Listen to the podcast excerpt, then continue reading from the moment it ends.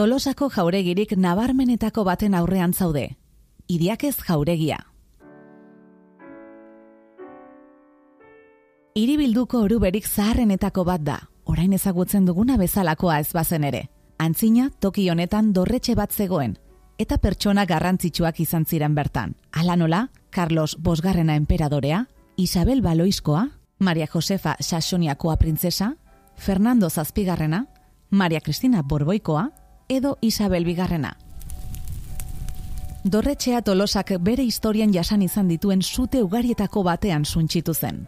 Haren ordez, barroko estiloko jauregi hau eraiki zen mila seireunda bostetik, mila seireunda emeretzira bitarte. Ibaira ematen duen fatxada arresi zaharraren gainean eraikita dago, eta beste aldean, plazara begira, idiak eztarren jatorrizko armarria ikus daiteke. Izan ere, Alonso idiakez jurramendi jaio zen jauregi honetan, Carlos Bosgarrenaren estatu idazkaria Santiagoko ordenako zalduna eta tolosako historiako pertsonairik garrantzitsunetako bat izan zena. Zertan aritu zara udan, galdetu zion eskaleari. Gau eta egun nahi zuen ari abesten nion, ez kezkatu. Abesten zenion? Posten naiz. Tira bada, egin dantza orain. Bai, txitsarraren eta inurriaren alegia ospetsua errezitatu dugu.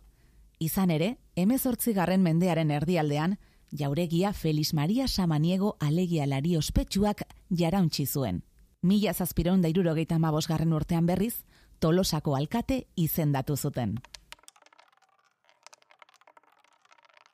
Geroago eraikina kasino bihurtu zen. Eta gaur egun, hiribilduan dauden hogeita mar elkarte gastronomikoetako bat da, tolosako kasinoa. Elkartearen barnealdeak erdi aroko gaztelu baten itxura du, eta euskal artista eta eskultorerik garrantzitsunetako bat izan zen Nestor Basterretxeak diseinatu zuen.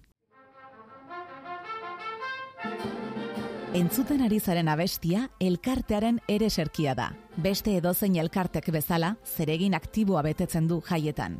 Izan ere, kasino elkarteak azoka mitologiko antolatzen du dazkenero eta jende asko biltzen da jaigiroan. Perretxikoak eta onjoak mila modutara dastatzeko eguna. Tolosak gozatzeko, eskaintzen duen beste jaki bikain bat. Jarraitu zuzen urrengo punturaino. Udaletxea.